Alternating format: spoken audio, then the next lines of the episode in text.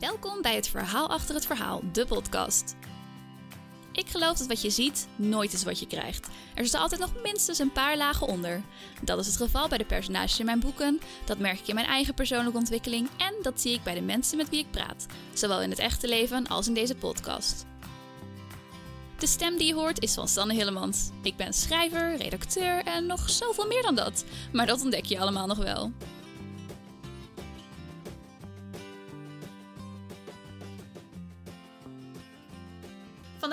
Ik even mijn beste vriendin uitgenodigd om mij te vergezellen in de podcast. Maria Arends. Zij is ook wel bekend als Comfort Corner Maria op Instagram.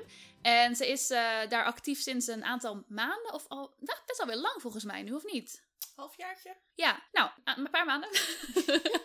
en uh, zij Instagramt over boeken en lezen en alles wat daarmee te maken heeft. En volgens mij heeft het helemaal naar je zin nu. Ja. Je moet wel verbaal zeggen. Knikken werkt even niet in de podcast. Um, ik heb het zeker naar mijn zin. Ja, ik vind het superleuk ook dat je zeg maar nu uh, bookstagrammer bent. Want uh, je hebt echt een beetje je community gevonden. En ik altijd vond je lezen al superleuk. Maar nu dat je zeg maar echt op Instagram... Je past helemaal in de boekcommunity, zeg maar. Ja, maar de boekcommunity is ook echt gewoon een hele leuke community. Mm -hmm. Het is echt... Nou, het is echt gewoon een warme bad waar je in uh, plonst. Dus ja. het is... ja, nou ja, was even... Toch even mijn weg vinden ook van wat werkt voor mij, wat vind ik leuk. Ja, het is gewoon echt een hele gezellige groep mensen. Ja. Um, hele grote groep ook. Daar mm -hmm. heb ik me ook nog wel echt over verbaasd. Ja. Dat ik dacht, wow, er zijn dus blijkbaar best wel veel mensen die uh, ongeveer net zoveel lezen als ik. Of zelfs veel meer. Nou ja, ik hoorde van iemand van de week die heeft deze maand 50 boeken gelezen. Wow, in één maand? In één maand, Sick. ja. Ik zal geen namen noemen, maar, uh, want dat wil ze denk ik niet. Maar ik dacht echt, hoe dan? Ja, dat is wel echt gewoon meer dan een boek per dag. Ja, dat is zeg maar wat ik wou zeggen wat een normaal mens in een jaar leest, maar dat is waarschijnlijk niet eens waar. Nee, dat is trouwens heel grappig, want het is nog een reactie die ik kreeg van iemand. Een andere vriend van mij die is ook nu weer wat actiever aan het lezen, maar niet, zeg maar, niet zoals wij. Dus jij had op een gegeven moment, jij hebt altijd van die reading trackers in je stories en had je op een gegeven moment ergens van 25 pagina's en dan zo'n smiley erbij van oh no, maar 25 pagina's. en zij vond dat hilarisch, want hij had zoiets als ik 25 pagina's lees op een dag, dan is dat echt heel goed. Dus het is heel, heel grappig hoe die standaarden helemaal veranderen afhankelijk van wat je doet. Ja, dat is ook zo. Want ik bedoel, ooit was dat voor mij ook gewoon heel goed. Maar vooral de laatste weken ben ik echt uh, met de lockdown en zo. Ja. Dat ik echt dagen heb. Nou ja, als het minder dan 80 is, dan vind ik het eigenlijk al weinig. dus het verandert inderdaad gewoon constant. En uh, het is ja. ook goed, denk ik, dat het, dat het dynamisch is. Want het zal ook wel een keer weer anders worden, denk ik. Ja, vast. Ja. En dan heb je nu Hoop maar ik. gewoon lekker veel gelezen. Precies, ja. Oké, okay, eerste vraag om mee te beginnen. Ik heb natuurlijk helemaal een reden om jou uit te nodigen op deze, in deze podcast. Want we gaan het namelijk hebben over ons proefleesproces. Of hoe jij mijn boeken proefleest. Maar eerst wilde ik eventjes de vraag stellen. Wie is je favoriet auteur? dat ben jij. Yay! Jij bent mijn favoriete auteur, maar uh, ik ben daarnaast hou ik ook echt ontzettend van Sophie Kinsella. Nou ja, vooral die Shopaholic-serie, dat is echt wel een go-to-serie mm -hmm. voor mij. Die kan ik ook altijd herlezen. Um, gewoon omdat het zo ontzettend feel good is, dat soms heb ik dat gewoon echt even nodig. Ja, want ik weet ook altijd als je op vakantie bent en zo, dan neem je ook altijd weer een shopaholic mee. Of zeg maar, dat is echt jouw ultieme vakantie-read ook volgens mij. Ja. Dus ik heb ja. ook het idee dat als je dan die boeken leest, dat je je even weer waant op vakantie misschien. Ja, klopt. Het is gewoon echt pure ontspanning. Maar nou ja, het heeft natuurlijk ook niet heel veel diepgang of zo. Dus dat, uh, dat helpt dan denk ik ook. Um, ja. ik, ik lees ook echt wel dingen met diepgang, maar um, ik, vind, ja, ik vind het gewoon heerlijk uh, ontspannen. Ja, en ook gewoon de schrijfstijl. Ook. Want ik heb het ook wel eens gelezen en het is wel echt gewoon heel grappig geschreven. Ja. Kijk, onrealistische ervan en het hallo, communiceer even ervan, dat vind ik altijd wat minder leuk bij dit soort boeken. Maar inderdaad, gewoon de schrijfstijl en zo, dat ja, trek je gewoon helemaal in en je wil gewoon bladzijde na bladzijde lachen. Ja, ja. lachen inderdaad. Ja. ja. De main reason dat ik inderdaad dus dacht, dit is echt een slimme podcast om even op te nemen, om te delen met mensen hoe wij het proeflezen doen. Want als ik een nieuw verhaal heb geschreven, dan ben je eigenlijk altijd de go-to persoon van ik zeg, oké, okay, het is klaar voor Maria's ogen. Ik voel me zo vereerd. ja, want het is, ik weet niet eens meer hoe dit begonnen is. Weet jij nog welk verhaal je als eerste van mij hebt gelezen? Nou ja, ik heb natuurlijk voor altijd 20 echt als eerste van je gelezen. Ja, ik denk um, het ook. Maar die heb ik niet als eerste persoon gelezen. Nee. Maar dus dan, dan Circus Caesarea, denk ik. Dat denk ik inderdaad ook. Het was, of misschien Alissa en Benjamin? Ja, die zou er wel eens voor kunnen komen. Spoiler alert, ik heb nog een verhaal geschreven dat nog niet uit is. Ik heb allemaal verhalen nu op de plank liggen. Het is heel onpraktisch. En drie daarvan heb jij inderdaad gewoon al gelezen. Dus ja, de werktitels die zijn er al, maar het is, eh, er zijn nog geen plannen voor, zeg maar. Maar inderdaad, ik denk dat dat inderdaad, dat die misschien wel voor Circus en AVC is gekomen. Ja, en ik denk eigenlijk dat jij gewoon tegen mij zei van, goh, ik heb dit af, wil je het eens lezen? En dat het Mhm. eigenlijk zo is ontstaan. Ja, want toen hadden we denk ik ook nog niet helemaal de structuur zoals we hem nu hebben Nee, geperfectioneerd. nee, inderdaad. Ik denk dus inderdaad Alice en Benjamin. En toen daarna denk ik inderdaad Circus en AVC Saria. Eh, nou ja, toen kwam natuurlijk actrice mij. En, en dan toen de twee anderen die nu af zijn en eh, op de plank liggen. Maar niet letterlijk, want het staat op mijn computer. Ja, precies. Ja, Ik zie nu een plank met allemaal manuscripten liggen, maar... dat, nee. noemt, dat noemt men de slushpile. ja, precies. ja, dus ehm, even denken. Waar ik eigenlijk wel benieuwd naar was, is ehm, hoe is het eigenlijk voor jou als ik een nieuw manuscript van je lees? Mhm. Wel prima. In het begin was dat sowieso zenuwslopen, maar ik weet nu een beetje wat voor feedback ik kan verwachten en hoe je dat brengt en dat je aardig bent, maar kritisch. Dus nu is dat heel leuk. En ik denk dat dat ook iets is wat ik heb ontdekt toen wij begonnen met het proeflezen. Of toen jij- begon met het proeflezen, want ik, ik had het al geschreven en gelezen. Ehm, dat ik dat toen ontdekte, hoe leuk het eigenlijk is als andere mensen je verhalen lezen en dat je het erover kan hebben. En dat mensen niet meer denken dat je dom of gek bent, omdat je rare plotlines aan het stellen bent, out of order en, en niemand weet waar je het over hebt. Want je bent het aan het lezen, dus je snapt het dan. Dus het is dan heel erg leuk om de mening te horen en om het erover te kunnen hebben. En dan ook echt de volgende stap te kunnen maken met, komt het zo goed uit de verf? Want ik weet niet zeker, maar volgens mij heb jij wel ook een hand gehad, nou eigenlijk weet ik het wel zeker, in eh, Marco's transformatie. Want in het eerste deel was het echt, oké, nou ja, zonder spoilers, maar was het echt een beetje een douchebag. En dat, de grap is, dat was ook de bedoeling. Tot de allerlaatste, of een van de laatste scènes in dat boek. En toen dacht ik, oh shit, hem komt een deel 2. Maar ik had hem niet echt veranderd. Dus toen was jij aan het proeflezen en toen was het echt zo van ja, eh, he's not likable. en ergens was dat ook terecht, maar ergens was dat ook niet de bedoeling. Dus toen heb ik daar echt nog wel veel aanpassingen gedaan. Ja. Ik vind het gewoon sowieso heel leuk. Altijd wel spannend omdat je natuurlijk hoopt op goede dingen. Maar ook de manier waarop wij doen maakt het ook heel leuk. Want het is niet, oh ik heb het gelezen en ik vond het leuk, weet je wel. Ehm, dus om dan meteen een beetje te springen in hoe wij het nu doen, is eigenlijk, nou misschien wil jij er iets over vertellen. Nou ja, ehm, ik vind het eigenlijk nog wel leuk om dan eerst even te beginnen met hoe het eerst begon. Want je bent eerst begonnen met losse hoofdstukken naar mij te sturen. Echt? Ja, Dat kan ik me niet herinneren. ja, er is, eh, ik weet niet meer welk manuscript dat is geweest, maar je bent begonnen met losse hoofdstukken naar mij te sturen. Maar Ik toen had dat- ik het wel al helemaal af. je had het niet? wel Ja. helemaal af inderdaad, maar dan kreeg ik het per hoofdstuk, zodat ik echt niet verder kon lezen. En op een gegeven moment ben je me gaan vertrouwen. Wat ik waardeer, want het is toch, anders heb je al die losse hoofdstukken op je e-reader staan. Ja, ja. Maar, eh, dus daar zijn we inderdaad mee begonnen. Nou ja, goed, en dan, dan, dan lees ik dat en ondertussen, ja, streep ik. Maar je streept er niet echt, je markeert dingen. Ik markeer dingen, ja, nee. Want dat is misschien wel goed trouwens om even aan te stippen, is dat het totaal niet gaat om textuele of eh, oppervlakkige redactie, Nee, maar nee, echt nee. om de inhoud en Klopt. het verhaal. Ja, ja, het gaat inderdaad. Kijk, en als ik echt ergens een fout zie die er enorm uitspringt, dan zeg ik Mhm. het wel tegen je. Maar inderdaad, meestal gaat het gewoon echt om inhoudelijke dingen. Zo van, nou, hè, dit eh, lijkt me niet helemaal te kloppen, of dit snap ik niet, of weet ik veel, of dit vind ik raar, of hey, dit vind ik leuk. Dat, dat gebeurt ook echt. Mhm. nou ja, en dan als ik dat hoofdstuk heb gelezen, eh, dan bel ik jou op. Of nou ja, de laatste keer dat we dit hebben gedaan, hebben we het Mhm. zelfs eh, gewoon een heel weekend bij mij thuis gezeten. En nou ja, hebben we dus dat boek in het weekend gelezen. En, of heb ik gelezen. En, en hebben we dan besproken tussendoor. En wat op zich best vermoeiend was, maar ook wel Mhm. weer heel gezellig. Mhm. Ja. En ja, dan kom jij eigenlijk met al je vragen. Ja. ja, want dat is denk ik iets wat het überhaupt uniek maakt, is dat we echt elkaar spreken na elk hoofdstuk. En af en toe zeg ik nog wel eens Ja. van, weet je, je mag er nu twee lezen, want er, zijn niet veel grote veranderingen in bepaalde dingen. Ehm, Ik denk wel dat het ook echt, tenminste, dat is mijn gevoel erbij. Maar ik denk wel dat dat ook echt een aanrader is voor andere auteurs om dat te doen. Want je krijgt zoveel meer informatie. En je krijgt ook de informatie die je wilt hebben. Want jij vraagt heel veel door op dingen die ik zeg. ja, En zeg maar, soms dan, weet je, je leest dingen en je vindt er iets van, maar je weet zelf eigenlijk nog niet per se altijd heel goed waarom. Maar mhm. door inderdaad dan de vragen te stellen, dan kom je er wel weer achter ja, wat je dan, of waarom je iets vindt. ja, precies. En daar heb jij dan weer wat aan. Dus ik denk dat het eigenlijk ook wel gewoon goed advies is. Ja, want eh, ik heb natuurlijk ook wel een groep proeflezers. Dus ik heb altijd meerdere fases. en dat eigenlijk eerst is dat jij het leest, eh, soms nog iemand anders. Maar het tweede is dan eigenlijk dat er een groep proeflezers is om echt te kijken wat vindt de meerderheid. Dan krijg je hele andere feedback, want dan doe ik het vaak ook met een formulier. En dan, kijk, zij zijn gewoon natuurlijk, die willen doorlezen. Dat zijn ook niet mensen die mij kennen. Die willen gewoon, kijk, je kunt dan nog zo hard zeggen van, hè, leg ook uit waarom je dingen vindt of waarom je dingen zegt.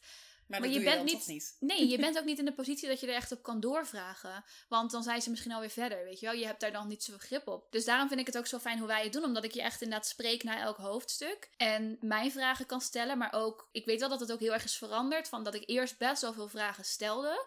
En dat het nu eigenlijk wat meer open vragen zijn. En dat ik meer doorvraag op dingen. Ja. Dus het is iets minder gestructureerd geworden. Omdat we denk ik allebei wat meer doorhebben wat we, wat we gaan bespreken en hoe dat moet. Eh, want ik weet ook nog wel dat, dat ik ook wel eens je een hele vragenlijst heb voorgelegd. Of heb, letterlijk heb gevraagd met allemaal vragen van... Ja, nee. Ja, heb ik al gezegd. Ja. Dus er waren veel overbodige dingen ook bij. ja, is ook zo. Ja, dat is gewoon inderdaad echt een proces geweest om inderdaad uit te vinden wat dan werkt. Eh, Ja. dat is eigenlijk wel, ja, wel grappig. ja, en ook gewoon hoe wij daarin samenwerken. Want ik denk... Kijk, ik ben natuurlijk wel een goede doorvrager. Dus, dus dat werkt dan voor mij heel goed. Maar het, het was ook wel in het begin denk ik goed dat ik het zo had voorbereid dat ik juist allerlei verschillende soorten vragen had. Ja. En ook niet voor elk hoofdstuk heb je dezelfde vragen nodig. Want in het begin vraag ik dan best wel veel over. Hè, is het een beetje duidelijk hoe, hoe het eruit ziet, waar ze zijn bijvoorbeeld? Of worden de personages, kun je ze goed onderscheiden? En naarmate een verhaal voordat hoef je die vragen niet meer te stellen. Want dan mag je toch aannemen dat dat gebeurt en dat ze een beetje weten waar ze zijn, zeg maar. Ja, nou ja, en als dat niet zo is, dan eh, heb je meteen echt eh, duidelijke feedback.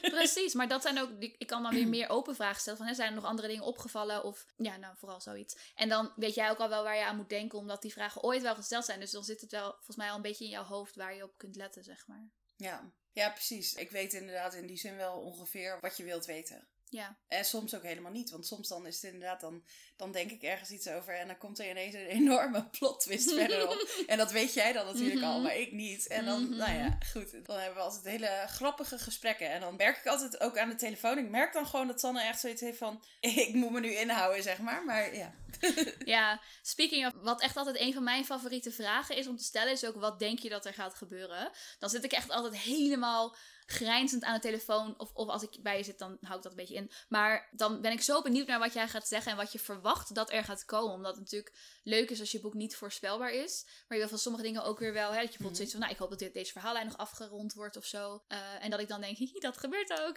Dus het is gewoon heel fijn, want dan weet je wat iemand verwacht en tegelijkertijd wenst. En kan ik zelf inschatten of ik daaraan ga voldoen of niet. En jij bent dan al lang weer vergeten als je er eenmaal bent wat je had voorspeld, zeg maar. Dus dat, ja, dat vind ik altijd de leukste vraag om te stellen. Ja, dat is trouwens sowieso leuk. Want even inhaken op wat je zegt van dat ik het al lang weer ben vergeten dan. Want dat heb ik in elk geval heel vaak. Ik weet niet hoe dat voor andere lezers is. Maar zeg maar dat als je inderdaad, je denkt tijdens het lezen eigenlijk van alles.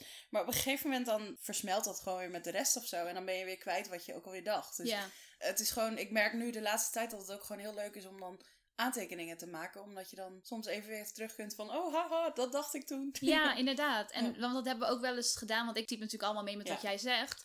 En dan Heel letterlijk ook, volgens mij. Ja, vrij letterlijk. Je hebt mij wel eens iets gestuurd met allemaal grappige quotes en zo van dingen die ik dan had gezegd.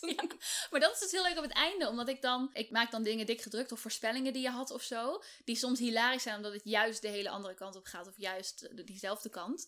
Dus die maak ik dan dik. En op het moment dat we dan voorbij dat punt zijn, dan vertel ik je... Oh, weet je nog dat je dit zei? Na hoofdstuk 3. En dan, dan vind ik dan heel grappig. Dat is ook heel grappig. Ja. Eh, nou ja, een aantal van de vragen die ik je wel eens stel, ik heb ze straks even opgezocht. En dit zijn eigenlijk de laatste, de meest recente. Dus bij de meest recente, nou dat is helemaal niet waar trouwens. Een van de recentere vragen die ik gebruikt heb. Wat we trouwens nieuw doen, in het begin stelde ik je echt alleen de vragen. Maar wat we eigenlijk bij de laatste paar manuscripten hebben gedaan, is dat je er ook doorheen loopt. Dus dat je eigenlijk, dat jij er weer doorheen bladert en Ja. bij jouw eigen notities zeg maar de dingen aangeeft die je op waren gevallen. Eh, en ik merk dat dat ook al heel veel vragen wegneemt. Omdat dan al heel veel van, oh, dit vond ik leuk, dit vond ik niet leuk, dit snapte ik niet, weet je wel. Ja, die dingen klopt. ondervang je dan al. En dat maakt het inderdaad, dat maakt het ook wel makkelijker. Want als jij inderdaad vraagt van, goh, wat vond je leuk? Mhm. Of zo, of wat vond je niet leuk, of weet ik veel. Dan moet ik heel erg graven in mijn geheugen of zo. Terwijl als ik er doorheen loop, dan is het gewoon, dan gaat het gewoon vanzelf. Dan Ja. is het logisch. Ja, en dan zie je inderdaad gewoon... Ja, van Ja. hè, dit heb ik gelezen inderdaad. Oh ja, dit... Dus dat is veel makkelijker inderdaad. En wat ik trouwens wel heel grappig vind, is... Jij bent wat dat betreft wel echt een ehm, emotionele lezer. Je, hebt wel, je, je gaat wel echt helemaal op in het verhaal. Ik weet ook wel goed, dan is er bijvoorbeeld iets verdrietigs gebeurd of zo. En dan, dan bel je mij en dan zegt zo... Hallo. dan, dan zit je echt helemaal in die emotie die ik natuurlijk ook heb willen creëren. Maar dat vind ik altijd heel grappig. Maar dan, is, dan zijn die vragen soms lastiger. Want dan komt er iets minder uit jou. Omdat je hebt van ik wil doorlezen. Get it over with. Ja, maar dat heb ik denk ik ook als het heel spannend is. Tenminste, wat ik bij mezelf Mhm. sowieso merk, als iets spannend is, dan, dan lees ik sneller. Mm. Dus dan lees ik waarschijnlijk ook sneller over iets heen. En dan heb ik inderdaad ook zoiets van, nou, echt serieus, moeten we nu hierover praten? Ja. Ja. ja, het was spannend. Next question. Ja, precies. Nee, next chapter. Ja, precies.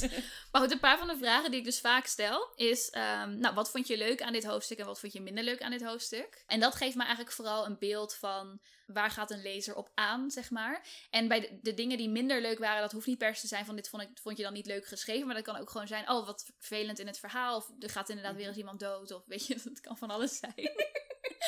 Ehm, dus dat zijn niet per se dingen die je dan niet leuk vond om een reden dat ik er meteen iets mee moet. Maar het kan wel voorkomen dat het is. Net dat je voelt, van, ja, dit vond ik niet zo leuk, want het voegde niks toe. Of oh, dit was te langdradig. Dus er kan iets heel interessants uitkomen. Dus dat zijn wel altijd gewoon hele goede algemene Mhm. vragen om te stellen, denk ik. Wat ik ook vaak vraag, zeker in het begin vraag ik heel vaak naar wat vind je van personages. Dus dan, uh, mensen bijvoorbeeld bij Cirque dan begonnen met, nou, wat vind je van Noah? Wat vind je van Caesar? Wat vind je van Emily? En naarmate dat dan voordat, vraag ik op een gegeven moment misschien meer naar, is er nog iets veranderd in je idee over deze personages? Maar vooral in de eerste paar hoofdstukken vind ik het heel fijn om dat consistent te vragen. En te kijken of er dingen veranderen. Of inderdaad je beeld van zo'n personage verandert. En volgens mij, dat gebeurt ook wel af en toe volgens mij. Uh, ja, regelmatig. Want ik bedoel, ik weet dat ik inderdaad bij uh, de actrice in mij... Mm -hmm. Ik wist dat je die ging zeggen. kom even niet op de naam. Lindsay. Lindsay, inderdaad. She's so unlikable in het Ja, ik vond, dat, ik vond haar echt niet leuk. En ik vond, nou, ik vond het echt een schijt irritant wijf.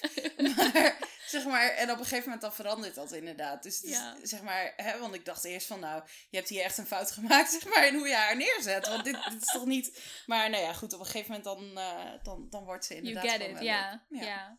Dat is het gewoon. Want zij is, ja, ik denk dat ik dat wel vaak ook doe met personages, dat ze zichzelf ook zo erg niet meer kennen. Of zo ver van zichzelf Ja. afstaan. Dat je als lezer ook zoiets hebt van, "Mm, ik snap jou niet. Maar ze snapt zichzelf eigenlijk ook niet. En dat, ja, dat vind ik altijd wel leuk op dat moment van, eh, Ik snap het zelf niet meer. who am I? En een volgende vraag die ik dan vaak stel is: wat vind je van de ontwikkeling van de personages? Dus dan gaat het niet meer echt over wat vind je van het personage zelf, Mhm. maar meer over hoe vind je dat ze zich ontwikkelen. Ja, dat eh, vraag je mij inderdaad. of soms is dat best een lastige vraag. Zeg maar, soms is het gewoon duidelijk dat een personage zich ontwikkelt. Maar Mhm. soms denk je ook, ja, nou ja, ik denk wel dat er iets van ontwikkeling in zit, maar ik weet het niet zo goed. En nou ja, ik weet niet. Het is niet altijd heel duidelijk hoe Mhm. een personage zich ontwikkelt. Klopt, dat is ook zo, denk ik. Het gaat vaak natuurlijk ook gewoon, en dat is denk ik ook de bedoeling, dat het vaak subtiel in een verhaal gebeurt, zeg maar. Ja, Ik bedoel, je wilt niet in één keer dat iemand een hele transformatie doormaakt. nee, en Meestal. soms, soms is het natuurlijk ook pas op het einde dat je echt merkt: oh ja, er verandert wel echt iets in deze persoon. Of er is wel iets veranderd als je kijkt naar hoe ze in het begin waren en hoe ze op het eind waren. En soms is het inderdaad gewoon niet een duidelijke transformatie. Nee. En dat is ook prima. En dan mijn twee favoriete vragen is eigenlijk... zijn er op dit moment onbeantwoorde vragen? Zeg maar, wat zijn de vragen Ja. die je nu hebt? En die is voor mij zo belangrijk, omdat op het moment dat jij zoiets hebt van... nee, nee, eigenlijk weet ik het allemaal wel... dan is er iets misgegaan. Want dan wil je niet doorlezen. Oh. Maar dat wist je misschien niet, dat dit de achterliggende gedachte Nee, eh, nee, dat wist ik inderdaad eigenlijk niet per se. Had ik misschien wel kunnen bedenken, maar ik heb er gewoon ook nooit over nagedacht. Mhm. En ik heb er überhaupt nooit zo over nagedacht dat dat inderdaad is wat maakt dat je wil doorlezen. Ja, toevallig, ik luisterde laatst eh, de masterclass van Dan Brown op masterclass.com. No ad. Ehm, en daar... Nee, word je er niet voor betaald, nee? Was het maar zo. En daar zei hij dat ook. En ik wist het al wel, maar hoe hij het vertelde was al helemaal fantastisch. Hij zei namelijk dat je, wat je eigenlijk doet met die vragen is dat je je lezers beloftes doet die je vervolgens moet waarmaken. Dus als jij in het verhaal ervoor zorgt dat er een vraag opkomt bij iemand wat je denkt, ik moet hier nog meer over weten. En vervolgens kom je daar niet op terug. Dat zorgt ervoor dat iemand met een teleurgesteld gevoel een boek dicht gaat slaan. Op het moment dat je wel zorgt dat al die vragen beantwoord worden. En op termijn, en terwijl er vragen beantwoord worden, komen natuurlijk ook weer nieuwe vragen. Dus je moet wel zorgen dat er altijd vragen zijn. Mhm. Ja, dus dat is eigenlijk een belofte die je doet aan je lezer die, die je waar moet maken. En ik vond wel mooi hoe hij dat had gezegd. Dat is inderdaad heel mooi. Ja. Wat ik me dan wel ook afvraag is, is het dan ook per definitie niet goed als je aan het eind van het boek nog met vragen zit? Ehm, nou, niet denk ik per definitie, want er zijn natuurlijk genoeg boeken die ook eindigen met een open eind. En dan Mhm. is het meer zo van, nou, vul het leuk zelf in.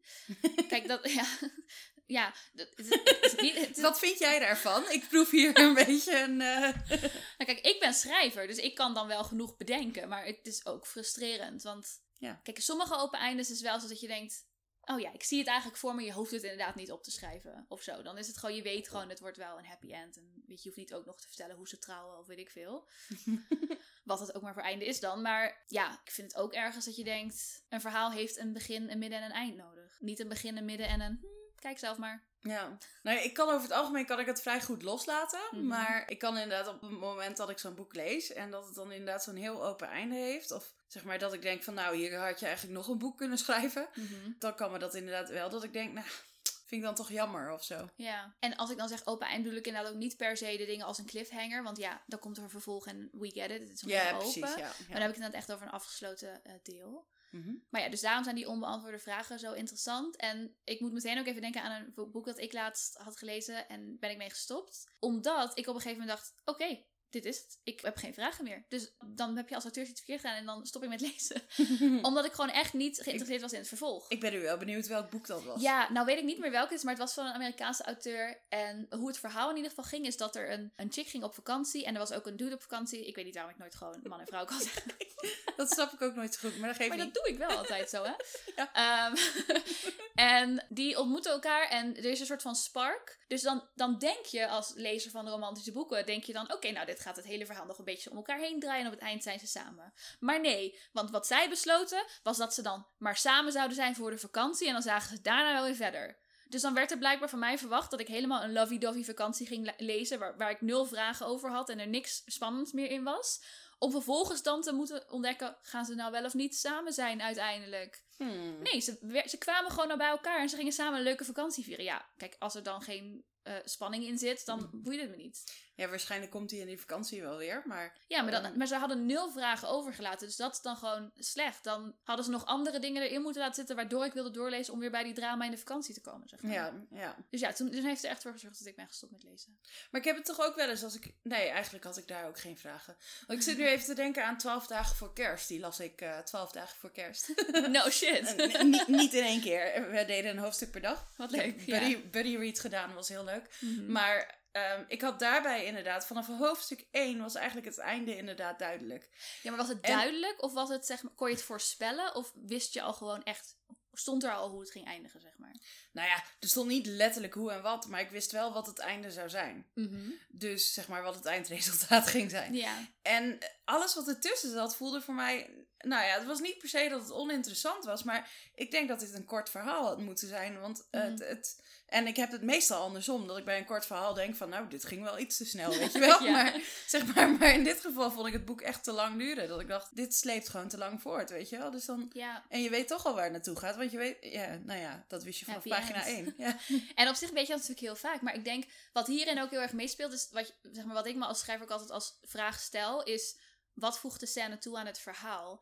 Maar aan de andere kant, dat is natuurlijk bij heel veel boeken zo. Kijk, als je kijkt naar de classic romantische boeken, dan weet je gewoon degene die ze aan het begin gaan ontmoeten, of ergens degene waar dan de spark, waar de, laten we het zo zeggen, degene waarvan de oogkleur beschreven wordt, dat is degene waar ze mee gaan eindigen. En dan weet je weet vaak al, er komt een happy end. Maar juist die reis er naartoe is heel leuk. Maar die reis er naartoe is leuk omdat je vragen houdt over hoe het gaat gaan. Maar ja, dus ik denk, gewoon even resume. Ik denk inderdaad dat veel, bij veel boeken is het gewoon, je wil vragen hebben om door te lezen. Je wil steeds weten wat er gaat gebeuren. En soms is die vraag genoeg van, oh, wat gaat er hierna gebeuren? Soms is het, oh, wat voor geheim draagt diegene met zich mee? Oh, hoe gaat dit straks uitkomen? Hoe lopen ze hier tegen zichzelf aan, weet je wel? Dus gewoon die vragen en die ontwikkeling, ehm, ja, is denk ik wel heel belangrijk in een ehm, boek. En daar kwamen we op, omdat ik jou dan de vraag stelde, zijn er nog onbeantwoorde vragen. Eh, en die is dan voor mij heel belangrijk. En de laatste vraag die ik altijd stel is dus inderdaad, wat denk je dat er nu gaat gebeuren? En dat is gewoon super leuk om te horen. ik toets daar natuurlijk de voorspelbaarheid mee. Maar daarnaast ehm, is het gewoon heel leuk om jou dan te horen speculeren over wat je denkt dat er gaat gebeuren. ja, dat Ja. geloof ik. Heb jij vragen waarvan je denkt, dit vind, vond ik altijd echt een rotvraag. Of dit vind ik altijd een hele leuke vraag om te beantwoorden? Ja, de ontwikkeling van de personages vind ik soms Oh ja. inderdaad wel eh, een lastige vraag. Niet per, se een, niet per se een vervelende vraag, maar wel gewoon dat ik denk, oh, daar moet ik echt even goed over nadenken. En soms ook inderdaad de laatste vraag, die jij dan het leukst vindt. eh, wat denk je dat er nu gaat gebeuren? Ja, het zou moeilijk. Is echt wel een moeilijke vraag. Want Mhm. je hebt altijd, tuurlijk, als je leest, je hebt altijd wel ideeën, speculaties enzovoort. Maar om die echt hardop uit te spreken, dat, dat, dat is toch weer iets anders, zeg maar. Want ja. tenminste, bij mij is het vaak ook gewoon een soort gevoel, een, ja, een idee of zo, zeg maar. Een, ja, nou ja, de feeling die je hebt met het verhaal. Ja. En dan moet ik het ineens onder woorden gaan brengen. Ja, klopt. En wat ik volgens mij soms ook nog wel eens doe, is dat ik dan in plaats daarvan vraag: wat hoop je dat er gaat gebeuren? Omdat dat is toch een andere vraag. Want dan Ja. gaat het minder over wat, wat verwacht je, maar meer over: weet je, wat voor ending hoop je bijvoorbeeld dat deze personages krijgen? Of wat, wat voor obstakels hoop je dat er nog op het pad komen? Wat zou jij nou gezellig vinden? Ja. dus dat vind ik ook altijd wel heel leuk om te horen. Vooral als het dingen zijn die er dan ook in zitten natuurlijk. Maar ook als het dingen zijn die niet in zitten. Wel te denken van ja, ik snap dat je hoopt op een happy ending. Maar er gaat nog iemand dood. Weet je wel? Dus dat is Ja. dan alsnog leuk. Maar ik heb het geloof ik ook wel eens andersom gehad. Dat ik, dat ik zoiets had nou, dat ik gewoon eigenlijk een halve thriller aan het bedenken was voor iets wat heel Ja. romantisch was. Ja, dat, ja, dat klopt. ja, en dat ik dan een soort van, nou ja, eh, het is iets minder sensationeel dan dit, maar eh, hopelijk nog steeds leuk. En dat is dan ook zo, maar gewoon anders.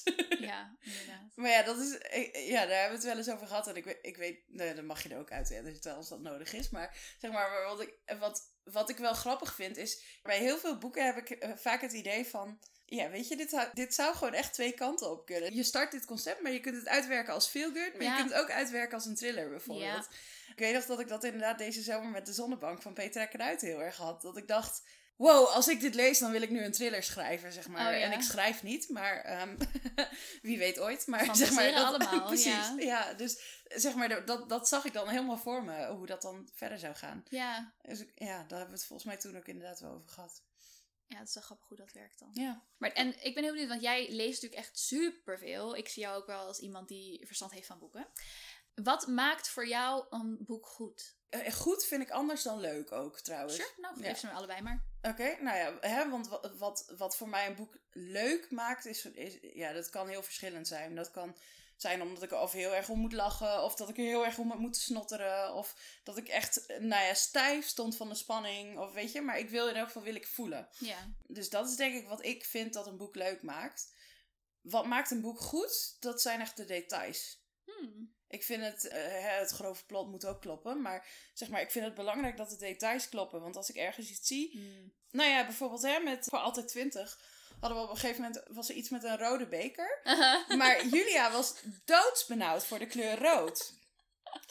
En dan denk ik, dat klopt niet. Aha. Heb ik Nou ja, aangepast Ja, inderdaad, precies. Dus, eh, nou ja, zeg maar, daarom gebruik ik dit voorbeeld Ja. ook en niet van een andere schrijver. Want ik kan wel meer dingen bedenken. Maar ik kom vaak genoeg dingen tegen waarvan ik denk, het klopt niet. En dan vind ik zo'n boek echt daadwerkelijk minder goed. Ja, En daar, en daar snel, ja. beoordeel ik ook echt op. ja. Dus als, zeg maar, daar, daar krijgt echt minder sterren. Want ik vind gewoon, dat vind ik echt iets, waar- daar moet je op letten. Ja, Ja, maar dat is grappig, want toen je net zei de details zijn belangrijk, dacht ik dat je, ging, dat je heen ging naar er moeten details in zitten. Maar jij bedoelt dus echt van het moet kloppen, alles Het wat er kloppen. staat moet ook echt eh, kunnen of kloppen. ja, Ja. want je kunt niet, zeg maar, eh, nou ja, hè, ik heb liever dat je dan inderdaad iets minder gedetailleerd bent Mhm. over dingen. Ja, En dat ze kloppen, dan dat je allerlei details gaat aanhalen en, die, en dat het dan vervolgens niet meer klopt. Ik bedoel, ja, als jij een groene pla- kamerplant in de hoek hebt staan, dan moet die er de volgende keer ook staan. En als Ja. er dan ineens een kerstboom staat, dan is dat een klein beetje gek. Dan Ja. wil ik weten waar die plant is gebleven. ja. Zeg maar bij wijze van.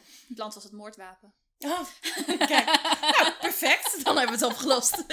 Maar, Kijk- dat, maar dan zou het weer een heel leuk detail zijn. Want heb jij Ja. dan, dit zou echt, ik zie dit helemaal voor me hoe dit zou zijn als, als jij voor mij proef leest. En ik heb zo'n plant staan, opeens is de plant niet meer, dan kom maar even, ja, er stond een plant en geen kerstboom, hè? En dan, is het, en dan schrijf ik dat op en dan maak ik dat dik gedrukt om op terug te komen. En dan op het eind is het, weet je nog dat je zei over die plant? Ja, dat was dus het moordwapen. That escalated quickly. Maar kijk, als, als zoiets gebeurt, dan ben ik dus helemaal happy. Ja. Daar word, ik, daar word Ja. ik dan ook weer echt super blij van. Als dat soort details dan kloppen, zeg maar. Ja. En dat ik me ondertussen heb lopen frustreren. Zo van, nou, die schrijver die bakt er echt helemaal niks van terecht. Want die vergeet dit en dit weer. En dan ineens, dan is het er weer. En dan klopt het. En dan, nou, dan, dan geniet ik. Maar dat, is, dat merk ik ook wel echt in het proeflezen. Dat, dat, is, dat is heel. Dat snap ik ook, want dat heb ik ook als ik verhalen lees. Dat je dan denkt van nou, hier is helemaal niet goed over nagedacht. Of oh, hier, hier is gewoon nog een open verhaallijn of zo. En dan wordt het toch ingevuld. Of dan is het, blijkt het Ja. toch te kloppen. Ja, dat is inderdaad gewoon heel knap. Ja, ja, dat is echt genieten. Leuk. Had jij nog vragen? Ja, je had het er straks nog over ehm, dat je na mij natuurlijk ook nog andere proeflezers hebt. Mhm. En dat is ook logisch, want je wilt inderdaad, nou ja, dat, dat schrijf je ook hè, in je 55 tips van je wilt uh, kwalitatief eigenlijk en kwantitatief onderzoek doen. Ja, daar komt wel ja. ja. nou ja, goed. En dan die andere proeflezers zijn dus inderdaad meer kwantitatief. Mm -hmm.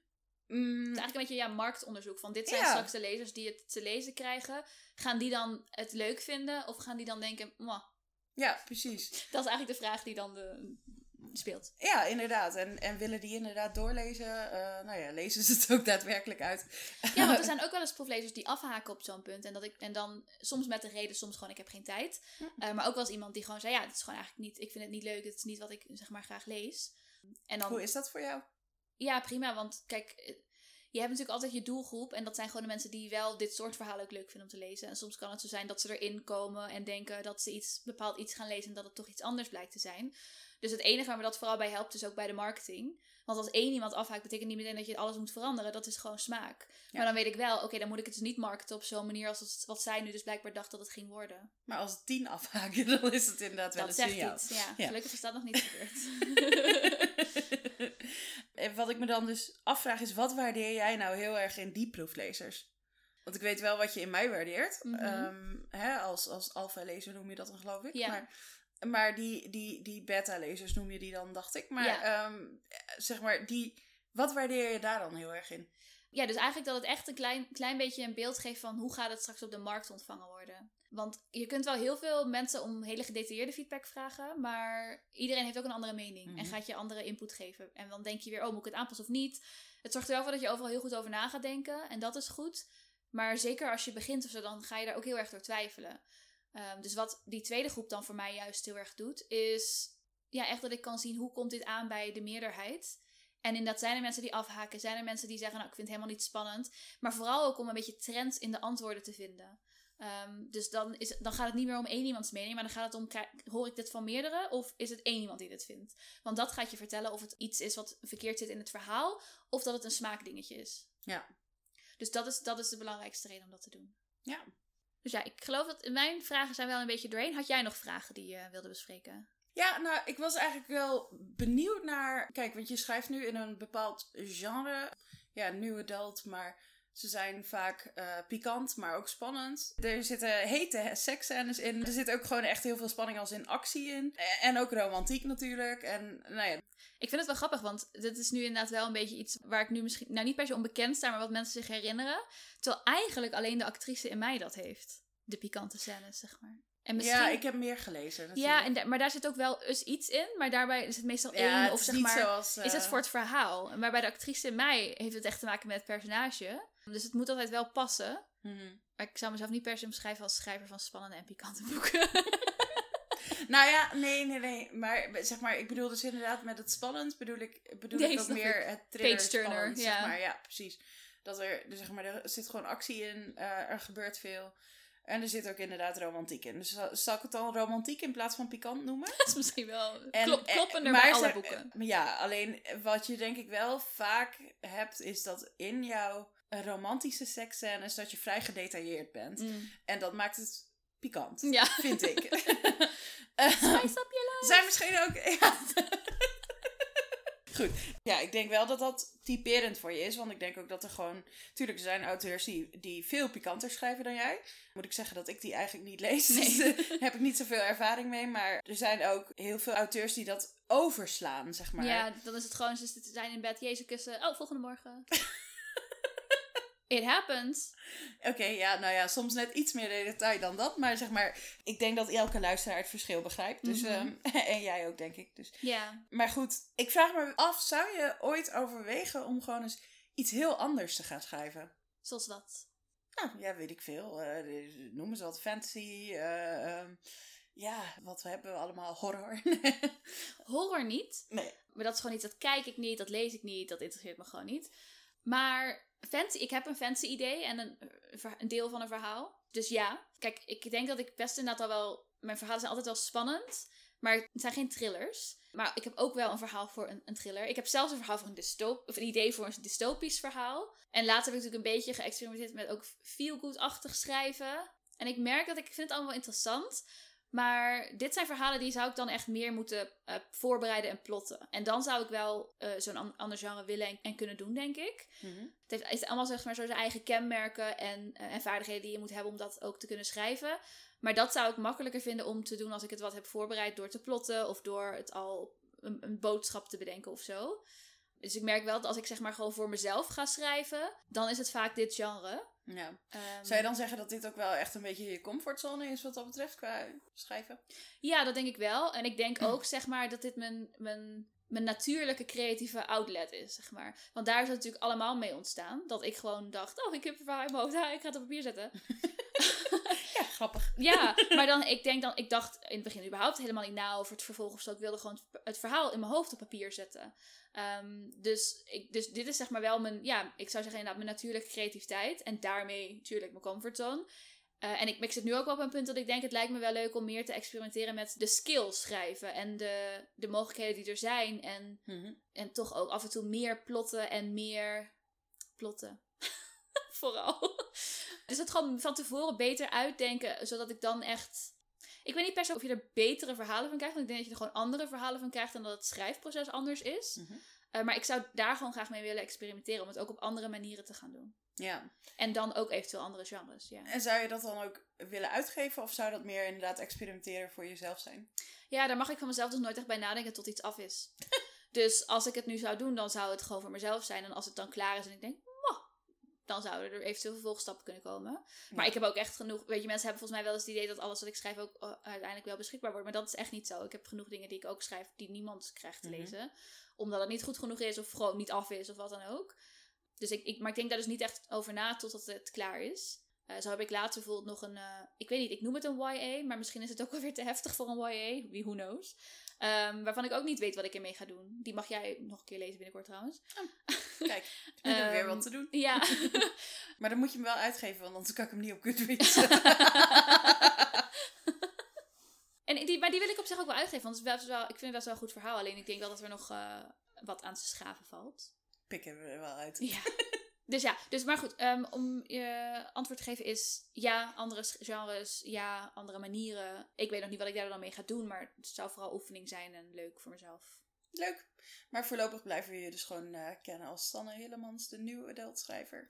Ja, en sowieso zeg maar ook de boeken die nu af zijn en die er aankomen. Kijk, die zullen natuurlijk als eerst eventueel uitgegeven worden, dus... Leuk. Ja. Einde. Nee. Heb jij nog iets voordat we afronden? Nee. Ik ook niet. Nou, Doei. dan is het tijd voor thee, dacht ik zo. Ja, altijd goed. Ja. Heel erg bedankt dat je langs... Nou ja, ik bedoel, sowieso leuk dat je langs komt. Maar leuk dat je maar, te gast bent op mijn podcast om hierover te vertellen. Ik ben heel benieuwd uh, wat mensen eraan gaan hebben. Uh, hebben jullie nog aanvullende vragen? Of uh, willen jullie ergens op reageren? Dan horen we het graag. Wil je in Sanne's team voor de nieuwe beta-lezers? ja, heb ik geen oproep hiervoor klaarstaan. Maar weet je, stuur me gewoon een berichtje. En dan zet ik je e-mail wel ergens op een papiertje. En uh, ja, wil je dus graag Maria ook volgen? Zij recenseert boeken op uh, Instagram. En ze houdt heel erg van alles wat met lezen te maken heeft. Uh, dus ook super leuk om haar te volgen en haar leesreis bij te houden. Jee. Jee. Het verbaast me wel dat we niet hebben gezongen. Oh, ja, hoe kan dat eigenlijk? Ik weet niet, dus voor mijn gevoel barsten we toch altijd wel ergens binnen een uur in, in zingen uit meestal. Ja, ik weet niet, er is, hoe lang heeft dit geduurd? 50 minuten. Ja, dat was dus nog geen uur. Ah, nou, zijn we net op tijd. Kort. Wat ontzettend leuk dat je hebt geluisterd naar deze aflevering van Het Verhaal Achter het Verhaal. Vond je deze podcast leuk of interessant? Dan wil je het misschien aanraden aan een vriend, vriendin, collega, familielid, wie dan ook.